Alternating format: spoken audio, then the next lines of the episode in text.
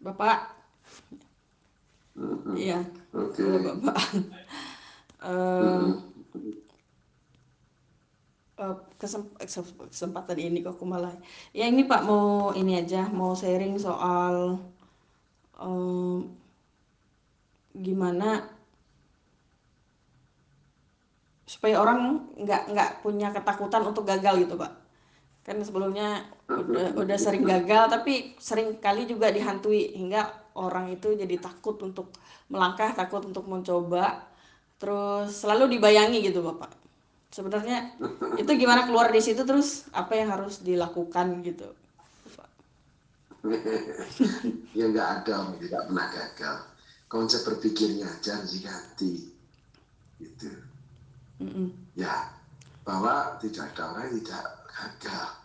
Tapi gagal itu adalah bagaimana mengawalinya. Awal dari kegagalan itu apa? Lalu mengakhirinya gimana? Gitu. Jadi kalau gagal itu konsepnya tidak ada. Yang ada itu habis, berkurang, dan sebagainya. Gagal itu apa sih? Gagal itu adalah cara kita menerima aja pola pandangnya kita bahwa itu gagal.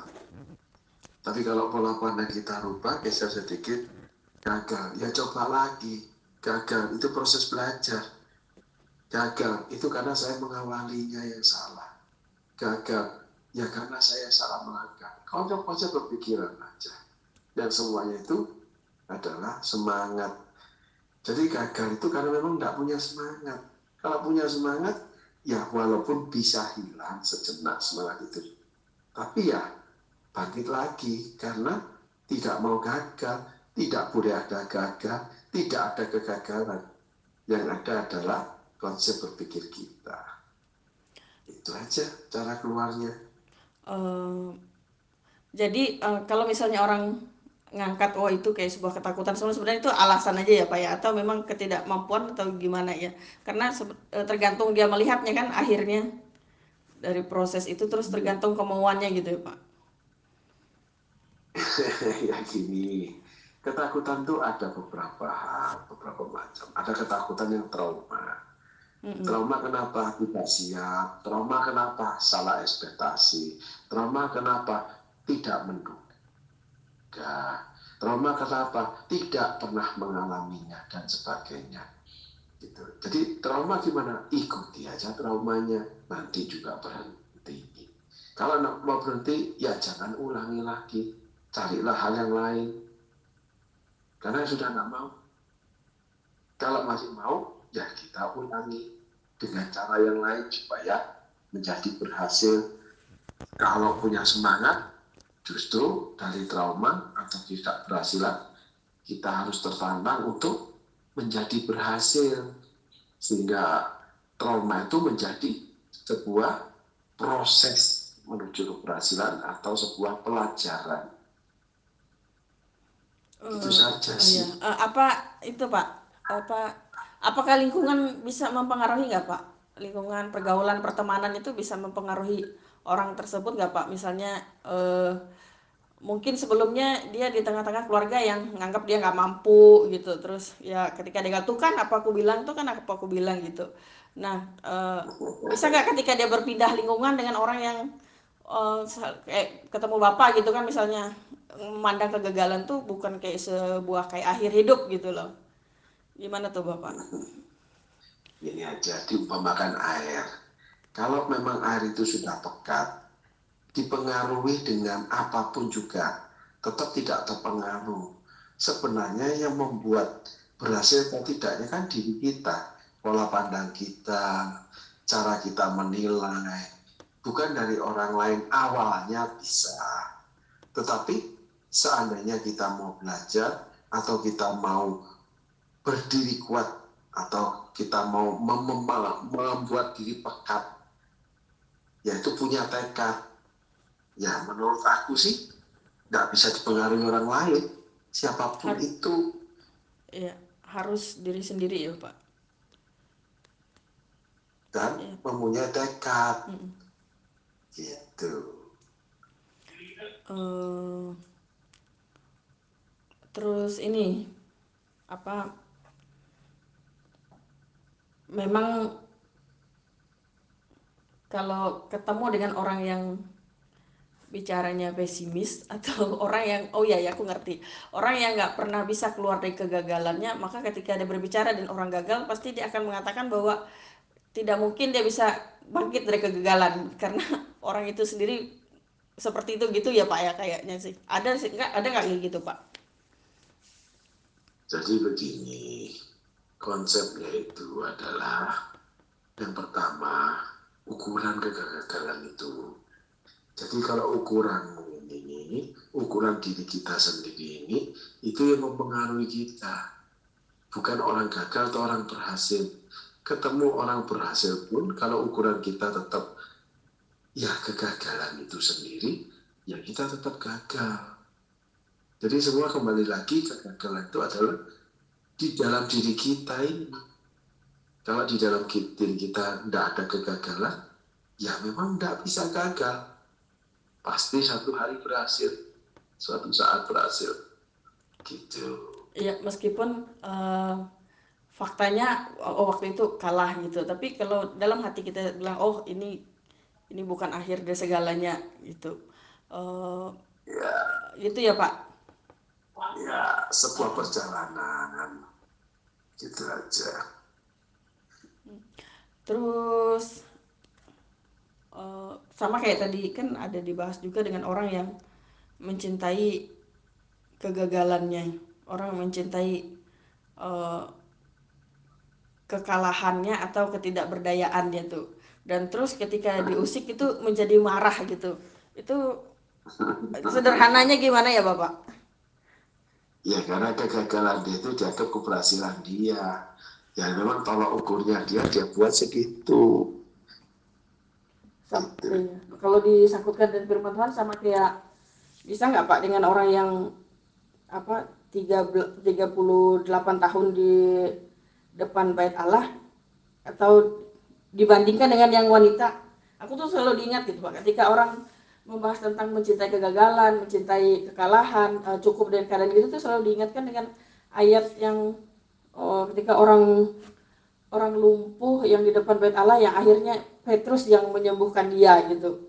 Padahal dia punya waktu sekitar 38 tahun untuk bisa terjun ke kolam itu. Itu bisa dihubungkan ke sana nggak Pak? Ya kembali lagi memang ukuran dia di sana, maka dia tidak menganggap diri gagal. Pun pembacanya bisa menafsirkan kan itu iman, itu waktu Tuhan. Jadi kembali lagi bahwa semua dari diri kita sendiri. Perempuan benaran dia berjuang mendapatkan Yesus. Hmm, gitu. Ada yang membahas iman, ada yang membahas berjuang, ada yang membahas ABCD. Tapi kembali yang membahas itu ya hasil bahasan itu ya dirinya itu seperti itu. Oh iya. Gitu. Jadi kita memandang sesuatu itu ya karena patokannya pasti dari diri di, dari mindset mindset kita sendiri ya. Yes. uh, sama uh, uh, uh, sama ini juga bapak. Um, aku tadi mau ngomong apa ya? Mau ini. Break dulu sebentar bapak. Nggak apa-apa apa santai aja. Nggak bisa di pause ya um, soal apa ya?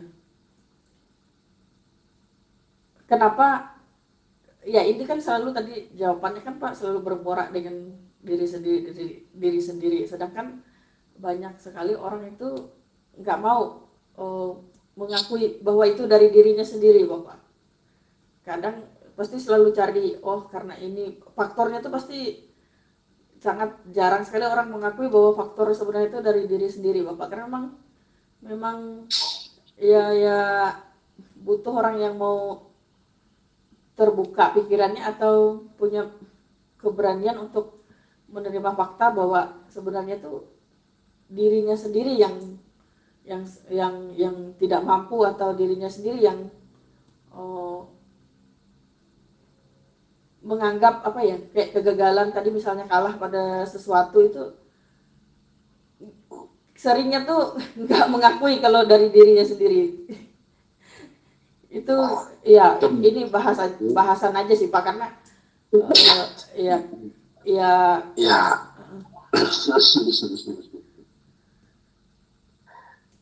gimana tuh bapak? Ya itu semua kan dari tolok ukurnya kembali lagi ke dalam diri sendiri dan tolok ukurnya diri sendiri gitu semua cuma dua itu aja sih kalau menyangkut kegagalan dan keberhasilan. Kalau tolak ukurnya itu ya segitu, ya memang dia dapatkan segitu. Dan bisa dianggap itu sebuah keberhasilan buat dia gitu ya Pak? Ya. Karena masih Atau, Iya Bapak. Dia menganggap ketidakberhasilan dia tolak ukurnya. Jadi ya tetaplah di sana gitu. Sebagai contoh aja, Yesus merasa tidak mampu naik ke kayu salib kalau cawan ini berlalu. Kalau ukurnya saat itu bahwa dia tidak mampu, tapi dia sertakan jadilah menurut kehendakmu.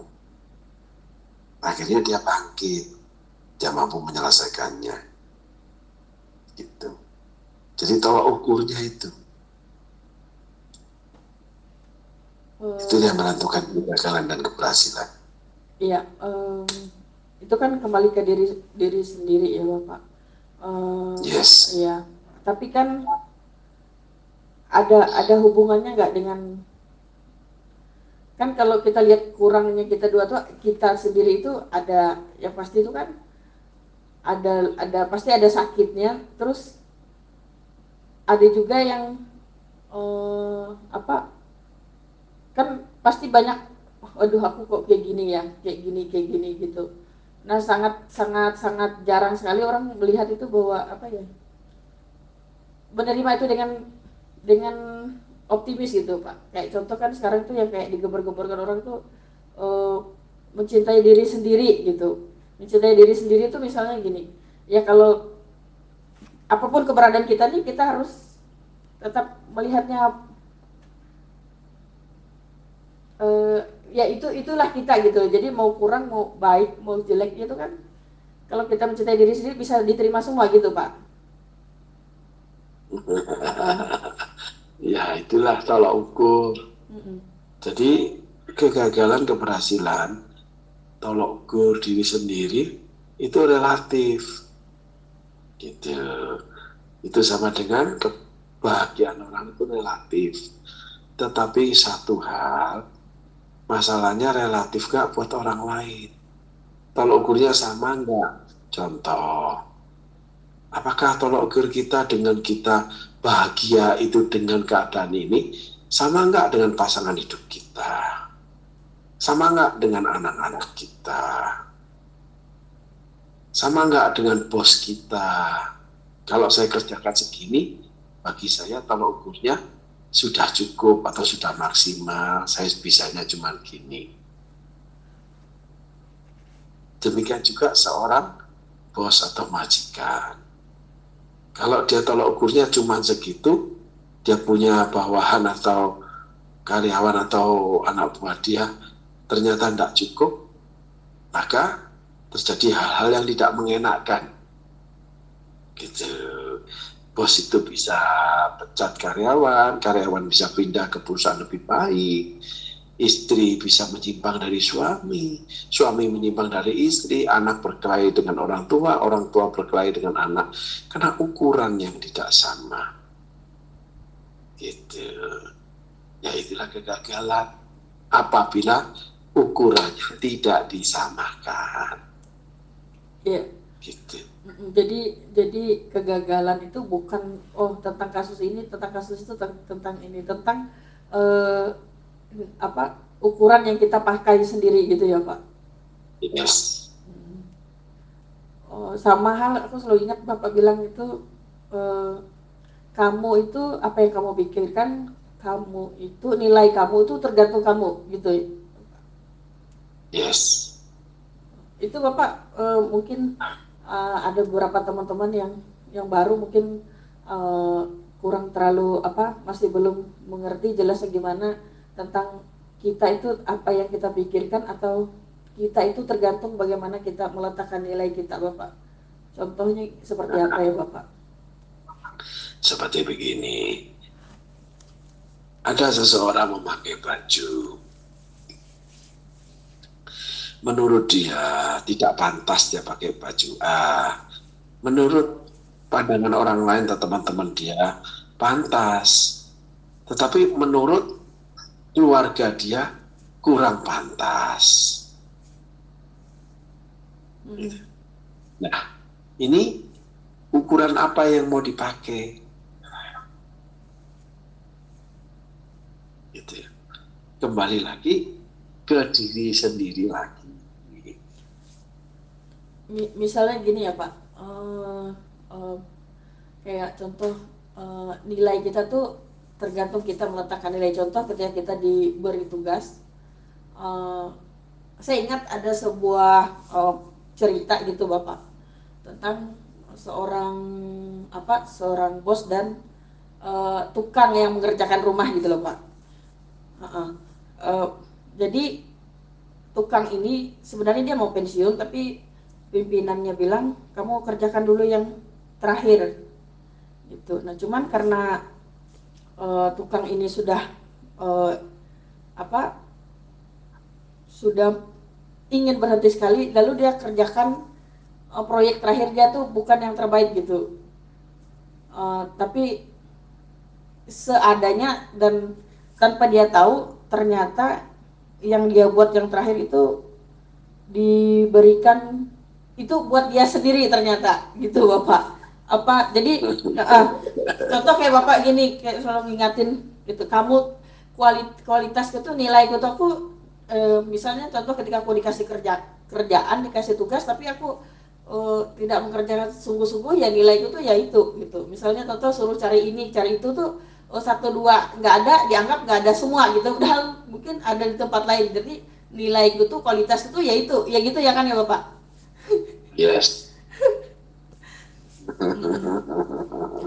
uh, tapi aku ingat dulu ketika baru-baru gabung uh, di sini, baru gabung awal-awal tahun dari empat tahun itu kan aku ingat uh, kualitas aku sama Winda walaupun hari ini juga belum belum ibarat itu yang maksimal yang standar yang bapak terapkan contohnya kayak kamar aja kan masih uh, aku ingat dulu awal-awal kan nggak boleh gantung baju terus kalau bisa jangan bau gitu contoh Nah terus aku ingat dulu kalau ngelap meja itu kan wah harus dikerjain oh, waduh begini gini gitu. Nah tapi uh, waktu itu tuh kayaknya kayak itu tuh kayak sebuah kutukan. kutukan mana kayak apa? Ya kayak itu sesuatu tuh yang memang waktu itu kayak aduh belum lagi dipoto di share gitu. Jadi bukan Tirsa aja yang pakaian tumpukan dia yang dipoto terus di share di grup aku ya sama Winda juga uh, di share memang waktu itu tuh uh, ketika di share seperti itu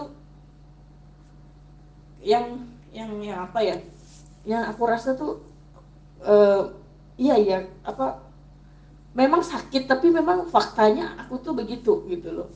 Faktanya ketika aku mengerjakan itu tuh aku kualitasku tuh ya itu gitu. Sampai hari, hari ini tuh walaupun uh, apa ya tapi aku tahu ketika dikasih standar tuh ini loh standarnya kayak gitu. Oh, cuman tahu aja sih pak. Tapi kalau dikerjakan ya harus sesuai standar itu kayaknya tuh otomatis pak. Sama kayak gini beberapa tahun ini kan selalu menerapkan bahwa yang memimpin tuh laki-laki gitu loh.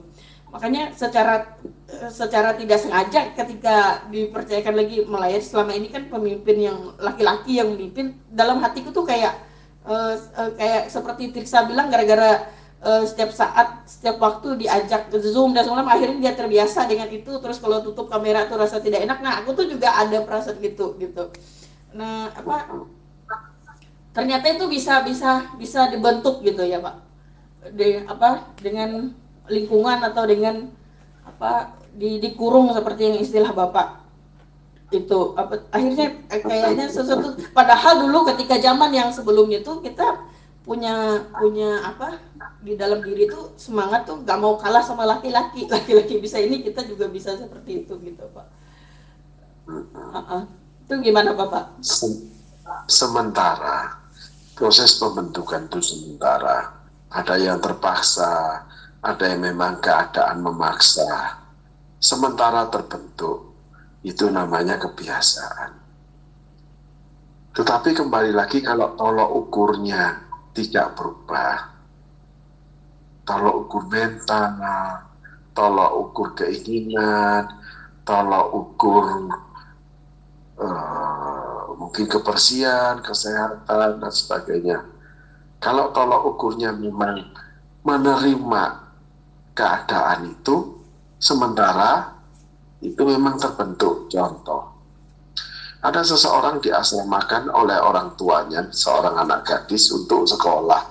Dia masuk sekolah SMP tapi SD TK sampai SD dia ada di suatu tempat yang memang tidak mengharuskan dia disiplin, rajin, bersih, apik dan sebagainya. Maka dia masuk asrama itu karena keadaan yang dibuatkan antara peraturan atau ada pengawasan sehingga terbentuklah pola-pola hidup yang baru tetapi anak itu ketika keluar dari sekolah, selesai sekolahnya dia pulang lagi ke tempat asalnya maka dia akan kembali, kembali lagi. lagi itu atau dia memberikan contoh atau tetap melakukan apa yang dia sudah alami di tempat yang baru ketika sekolah di tempat yang lain. Nah, itu adalah tolok ukur dia yang berubah. Tapi ada orang yang tolak ukur tidak berubah. Jadi yang mengubahkan itu diri kita menyukai yang mana. Akhirnya menyukai kebersihan karena tahu pola kebersihan. Menyukai kedisiplinan karena tahu pola kedisiplinan menyukai pola kerapian karena tahu pola kerapian termasuk caranya bekerja yang api teliti dan sebagainya lalu menikmati kegunaannya maka orang itu tidak akan kembali kepada tolok ukur yang lama tetapi banyak orang melakukan hal-hal yang baik karena keadaan kembali lagi ke tempat yang awal atau dia tidak mengingini keadaan yang baru, maka dia kembali kepada posisi yang lama. Kalau bahasa Alkitabnya, kenakan manusia baru, tanggalkan manusia lama. Maka Paulus tulis, kamu kembali ke manusia lama loh. Gitu loh. Karena memang menyukai manusia lama, yaitu babi kembali kepada kubangan, anjing kembali pada muntahannya Petrus tulis itu gitu karena Petrus ya. menghadapi pelayanan orang-orang seperti itu. Sehingga kembali lagi kegagalan keberhasilan itu di dalam diri orang itu tolak ukurnya. Memang orang itu keberhasilan dia itu adalah kegagalan menurut orang lain yang menganut paham yang berbeda. Kebersihan, kerapian, kedisiplinan. Yaitu sekolah dia yang baru di SMP tetapi dia tolok ukurnya lebih menyukai yang memang amburadul enak karena tidak ada disiplin itu enak. Tidak rapi tidak apa-apa. Topnya sendiri. Nah ukuran-ukuran yang dia pakai itu itulah keberhasilan dia. Tetapi menurut sebagian orang kegagalan. Akhirnya kembali lagi tolok ukur pribadi masing-masing. Itu makanya ada sebuah uh, untayan kata-kata yang mutiara yang bagus sekali. Ada orang memang mencintai kemiskinan dia, ada orang memang mencintai kegagalan dia, ada orang yang memang mencintai kebodohan dia. Ada orang yang mencintai kekurangan dia, karena memang dia menikmati kemiskinan, kebodohan, kekurangan, dan kelemahan dia. Kalau dia bodoh, dia enak, tidak usah disuruh-suruh. Kalau dia miskin, dia akan diberi uang kalau dia lemah, dia akan ditolong. Kalau dia kurang, akan dibantu. Maka dia menikmati, ditolong, dibantu. Memang mentalnya tolong ukur segitu. akhirnya tolok ukur itu adalah mental seseorang mental itu adalah pola pikir di dalam spirit dia memang dia tujuannya memang pinginnya memang dia cuma maunya begitu ditolong dibantu ya dia menikmatinya karena ya bla bla bla bla kan itu ada banyak unsur sih maka kegagalan dan keberhasilan sedari awal saya bicara bahwa tidak ada kegagalan, tidak ada keberhasilan. Yang adalah itu tolok ukur diri sendiri masing-masing. Tidak bisa dipengaruhi. Dibentuk bisa. Tapi akhirnya ada yang kembali, ada yang tidak kembali. Yaitu apa? Pribadi orang itu sendiri dalam tolok ukur atau pola pikir atau mentalnya dia maka di dunia ini ada orang gagal, ada orang berhasil, ada orang miskin, ada orang kaya. Ada orang pintar, ada orang bodoh, ada orang lemah, ada orang kuat. Itulah dinamika kehidupan. Tinggal kita pilih yang mana. Kita menjadi berhasil, terhormat, atau menjadi berhasil tidak terhormat. Atau tidak terhormat, sekaligus tidak berhasil Tetapi kembali lagi, itu tolok ukurnya siapa yang menentukan. Gitu. Ada orang tidak butuh hormat, saya tidak butuh, saya sederhana. Saya tidak butuh barang mahal, saya tuh cukup. Saya tidak butuh makan enak cukup gini, karena saya memang tidak suka makan, dan sebagainya. Tetapi itu adalah pilihan hidup. Tuh, makanya ada babi, ada anjing, ada kuda, ya, ada gajah, ada harimau, ada singa. Itu perumpamaan Alkitab itu banyak.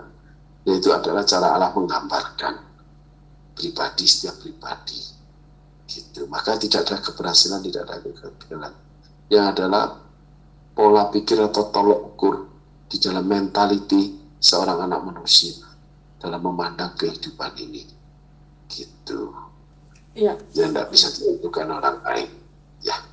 ya um, kalau jadi yang yang yang bertobat itu bukan perbuatan dosa dan jahat aja ya Pak ya.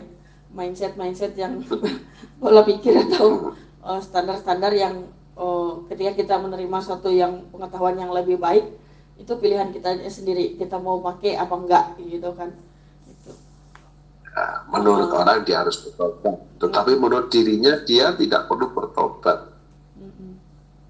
Memang dia ya. menginginkan itu. Ya. Kayak tuh dia ya. menyukai hal itu. Kayak yang sering Bapak kirimkan itu kan memang susah ngasih tahu lalat gitu kan ya. susah memberitahu lalat kalau wah, bunga itu lebih harum daripada bangkai iya, iya. itu kata orang berhasil, kata orang pandai, kata orang yang disiplin, kata orang yang rapi. Tapi kata mereka yang menyukai ketidakdisiplinan, ketidakrapian, menyukai ketidakpandaian, gitu. Yang menyukai namanya kelemahan, kekurangan, kebodohan dan sebagainya ya memang ya memang begitu orangnya gitu. Oke, Tuhan berkati. Terima kasih.